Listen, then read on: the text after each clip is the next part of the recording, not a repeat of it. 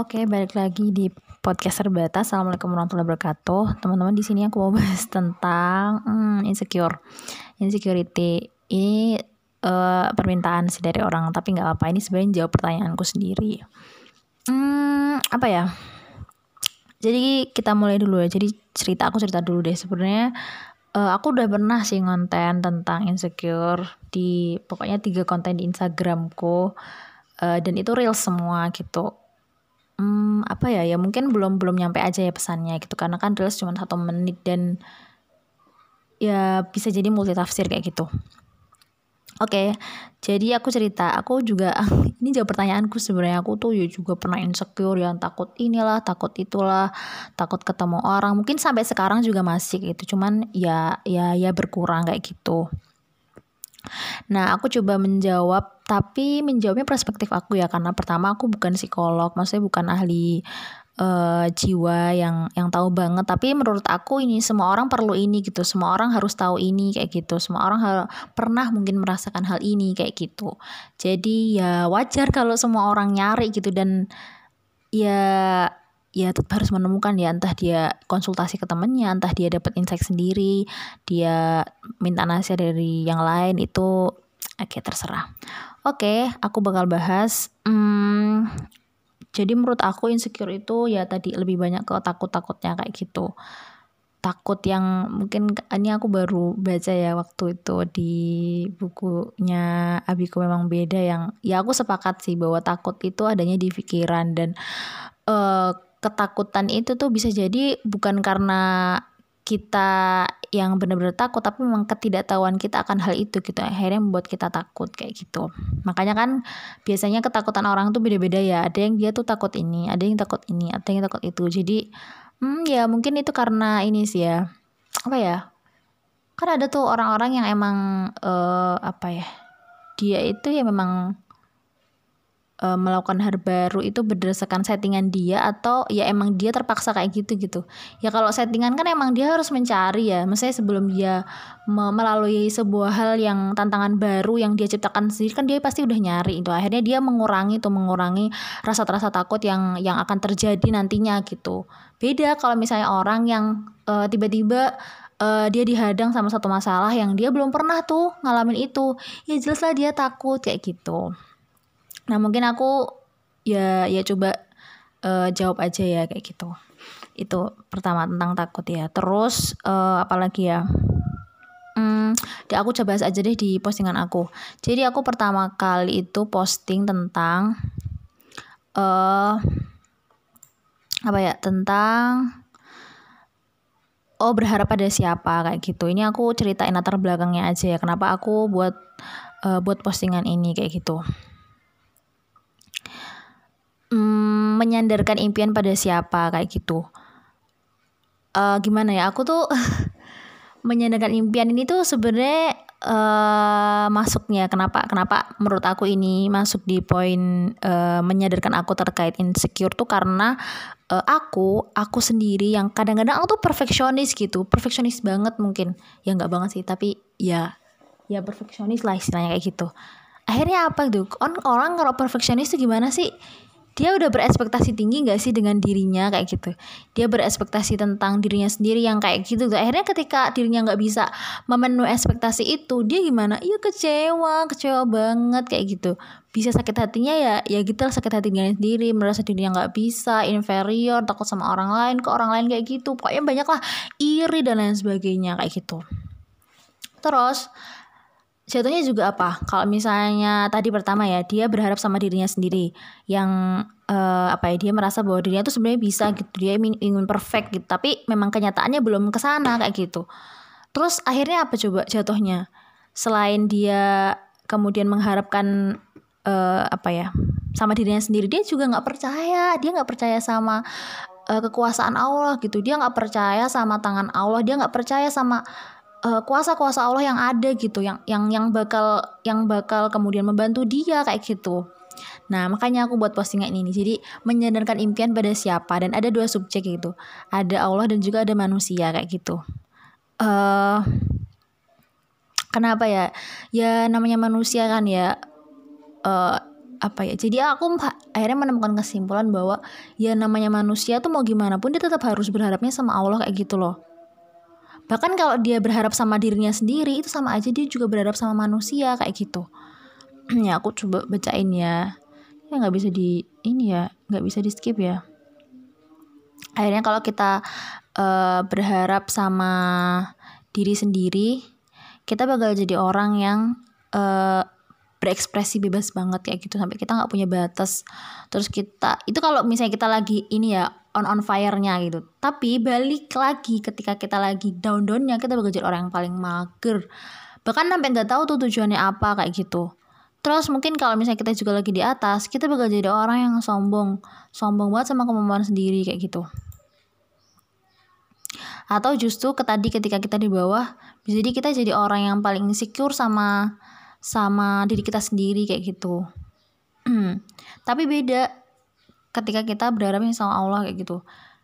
Uh, kita akan melakukan semua hal yang yang yang menjadi rencana kita itu berdasarkan yang dimau Allah gitu yang Allah udah ngasih tahu nih loh nih loh caranya tuh kayak gini kamu harus kayak gini kayak gitu. Akhirnya kalau udah kayak gitu uh, ya ambisinya memang kuat sih tapi balik lagi gitu dia dia tahu gitu. Dia tahu bahwa uh, memang ambisinya dia tuh harus kuat tapi hakikatnya yang memberikan dia kesuksesan yang memberikan dia capaian itu bukan dirinya sendiri gitu tapi Allah kayak gitu. Terus akhirnya uh, dia nggak jadi orang yang apa ya ya dia di batas aja wajar aja kalau misalnya dia lagi sukses ya dia mem, apa ya ya ya ini ini benar kerjanya Allah gitu. Pun ketika dia lagi di bawah-bawahnya ya dia ya udah be aja kayak gitu.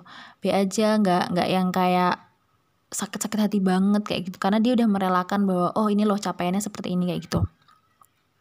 Akhirnya kalau dia berdoa sama Allah dia nggak berbangga nggak berbangga gitu loh sama kemampuannya. Dia yang kayak ya udah aku tuh punya potensi dan ini loh caraku uh, ini loh cara aku buat me apa ya?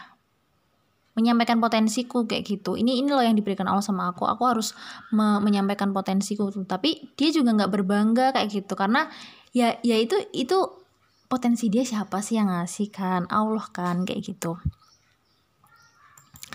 Itu akhirnya jatuhnya apa? Ya jatuhnya dia kayak ya di tengah-tengah kayak gitu. Dia ketika dia lagi merasa ada beban berat dia nggak insecure gitu karena pasti Allah tuh nggak bakal ngasih sesuai kemampuan hambanya. Pun ketika dia lagi di atas atasnya dia juga nggak yang kayak sombong terbang tapi ya udahlah ini ini barangkali uh, ya salah satu nikmat Allah yang harus dia syukuri yang syukurnya tuh nggak nggak cuman ya alhamdulillah doang tapi benar-benar harus di digali lagi gitu konsep syukurnya gitu dengan uh, dimaknai dengan apa ya dibenarkan dengan dalam hati diucapkan dengan lisan juga dia ngelakuin kebaikan-kebaikan lagi kayak gitu. Ini postingan pertama ya. Jadi nangkep nggak? Ya semoga kalian nangkep lah ya. Pokoknya uh, berharap tuh sama Allah gitu bahkan kalau misalnya berharap sama diri sendiri menurut aku itu juga ya itu juga salah satu berharap sama manusia kayak gitu karena diri kita tuh ya kayak gitu loh banyak lemahnya terus yang mageran terus kayak labil gitu-gitu loh itu postingan pertama. Terus postingan yang kedua yang bagian kolaborasi versus kompetisi. Ini aku insecure karena apa ya? Pokoknya ini karena aku insecure menghadapi orang kayak entah itu orang yang lebih tua. Ya kebanyakan orang lebih tua sih kayak gitu. Dan juga aku ada karena juga kayak punya sikap yang kayak alah gitu doang gitu. Sama mungkin sama orang yang istilahnya secara kemampuan beberapa kemampuan yang aku kuasai itu dia di bawahku kayak gitu. Kayak apaan sih? Kayak gitu. Apaan? Kayak gitu. Jadi kayak hmm, ya menghina bisa jadi kayak gitu. Tapi menghina nggak ditampakkan cuman di dalam hati aja. Tapi kan itu juga nggak baik ya itu. Terus jadi aku menemukan kesimpulan kayak gitu biar kemudian aku nggak takut ketemu orang yang istilahnya dia lebih lebih dari aku pun aku juga nggak yang sombong ketika ketemu orang yang di bawah aku kayak gitu. Jadi aku ada dua tentang kolaborasi dan juga kompetisi. Kolaborasi ini kenapa kolaborasi? Ya ini loh term yang bisa kita pakai. Kalau misalnya kita ketemu orang yang itu di di atas kita kayak gitu. Entah itu dia masih di atas secara apa pun ya misalnya kemampuan finansial terus umur kayak gitu. Ya udah termnya kolaborasi aja kayak gitu. Kan kalau kolaborasi jadi kita legowo gitu loh. Mau dia lebih high ya udah. Termnya kita tuh kolaborasi kita belajar di sana. Kita ya udah kita belajar kayak gitu. Ya ini juga bisa sih sama yang di bawah kita. Akhirnya kalau misalnya gini kolaborasi ya entah itu sama yang di atas atau di bawah kita. Kalau sama yang di atas kita nggak yang kayak takut. Karena term kita tuh ya udah kita belajar ke dia pun kalau sama-sama dia di bawah kita ya udah kita juga nggak sombong gitu. Kita yang kayak Ih, apaan sih? Tapi ya udah gitu. Kita menempatkan diri kita sebagai seorang yang uh, ya mengajari dia gitu. Lagian kan gimana ya? Ya orang kan nggak bisa yang ngerjain apa apa sendiri. Dia butuh pasti butuh orang lain kayak gitu. Nah untuk term kompetisi uh, yang aku temukan ya. Ini berdasarkan yang ya perspektif aku nanti bisa jadi berubah ya.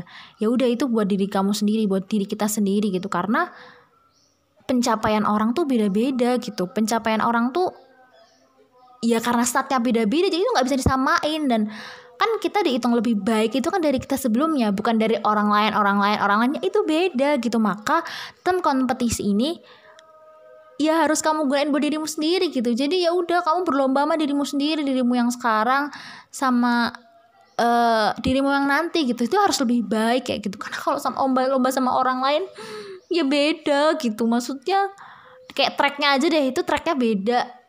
Mereka udah sampai mana kamu sampai mana ya nggak nyambung gitu. Itu ya.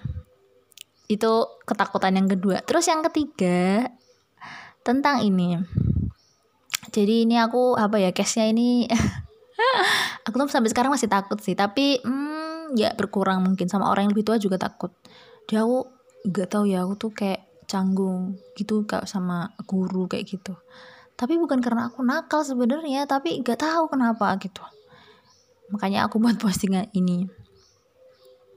Eh ya sih yang tadi ya. Yang tadi aku aku ketinggalan yang tadi. Sebenarnya tadi tuh quotesnya bagus loh yang apa postingan aku. Jadi biar kita tuh kalau tadi ya kalau kita pakai term kolaborasi dan kompetisi biar kita tuh jadi orang yang interdependen interdependen ya bukan independen ataupun dependen kalau kita jadi orang interdependen kita akhirnya menggabungkan percaya diri kita dan rendah diri itu jadi satu gitu. Akan selalu ada kita akan selalu ada kita tuh bilang oh aku mampu aku mampu. Dan akan uh, suatu ketika kita juga bilang bahwa oh ada hal-hal yang memang tidak bisa aku lakukan. Ada hal-hal yang memang aku tuh membutuhkan orang lain kayak gitu. Jadi ya udah dia tuh yang nggak kayak lah gue bisa gue bisa gue bisa gitu. Tapi dia juga nggak yang kayak insecure terus gitu tapi ya di tengah-tengah gitu. Misalnya dia mampu ya udah dia bilang aku mampu gitu. Pun ketika dia nggak mampu ya dia menyadari gitu bahwa oh inilah aku aku memang ada hal yang nggak bisa aku kerjakan kayak gitu itu interdependent. Kayak kita lanjut sama postingan yang ketiga ya. Yang tadi.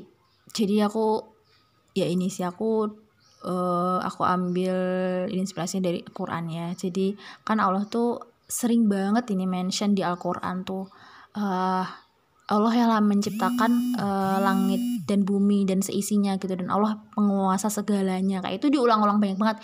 Mungkin kalau belajar di tafsir mungkin maknanya beda-beda ya. Maksudnya makna secara dalamnya gitu. Tapi kan aku sebagai orang yang ya awam gitu kan. Itu ya ya udah taunya bahwa Allah yang menciptakan uh, alam semesta dan seisinya kayak gitu. Aku mau ambil hikmah apa kayak gitu. Jadi ketika kita lagi takut kayak gitu. Ini bayangin aja ya kita manusia di bumi ini yang bumi ini tuh luas banget. Eh bukan bumi alam semesta ini luas banget. Kita hitung aja gitu ketika kita takut uh, apa ya? Ya udah kita memang kecil ya gitu. Pertama kita menyadari bahwa kita kecil gitu. Tapi jangan lupa bahwa ada Allah yang luar biasa penguasa alam semesta ini yang pemilik fenomena-fenomena itu yang bisa membuat kita tenang kayak gitu. Bisa membuat kita uh, apa ya ya lebih tenang aja gitu. Apa sih yang mau ditakutkan kayak gitu? Kayak gitu.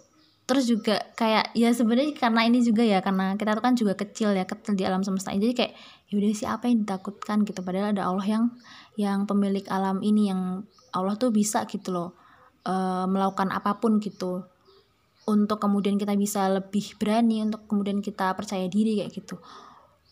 Pun juga uh, ketika kita lagi ini apa namanya sombong gitu. Ya bayangin aja kita yang kecil mau sombong di ma di alam semestanya Allah.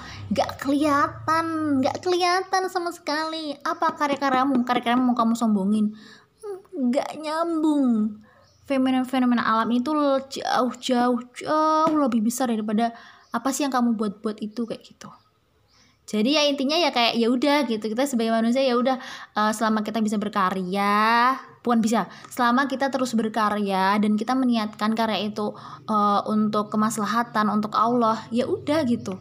Semoga Allah membalas itu kayak gitu. Entah itu kecil entah itu yang kita anggap besar gitu. Tapi tetap aja sebesar besar yang kita anggap besar tetap kelihatan kecil gitu lah tetap kelihatan kecil gitu. Jadi ya udah ya udah. Nggak apa-apa kecil aja gitu. Ya kalau besar ya ya itu masya allah luar biasa kayak gitu. Tapi ya udah. Jadi masuk di sini tuh kita menghargai gitu loh uh, apa kita menghargai uh, karya-karya kecil kita gitu. Juga kita kayak nggak takut oh ya ini juga. Sama kita nggak takut sama manusia-manusia di bumi ini gitu. Sama karena kita posisinya sama gitu loh. Mau dia strata apa mau dia punya kedudukan apa mau dia uh, secara finansial berapa ya udah gitu loh. Ya udah nggak usah takut. Kita sama-sama gitu di bumi ini. Nggak kelihatan kalau di alam semesta gitu. Itu sih. Ya ini review tiga konten aku aja ya. Semoga menjawab biar kita tuh nggak insecure kayak gitu. Biar aku ding dan berguna ya buat teman-teman semua. Oke sampai jumpa di podcast terbatas selanjutnya. Emang terbatas banget sih aku jawabnya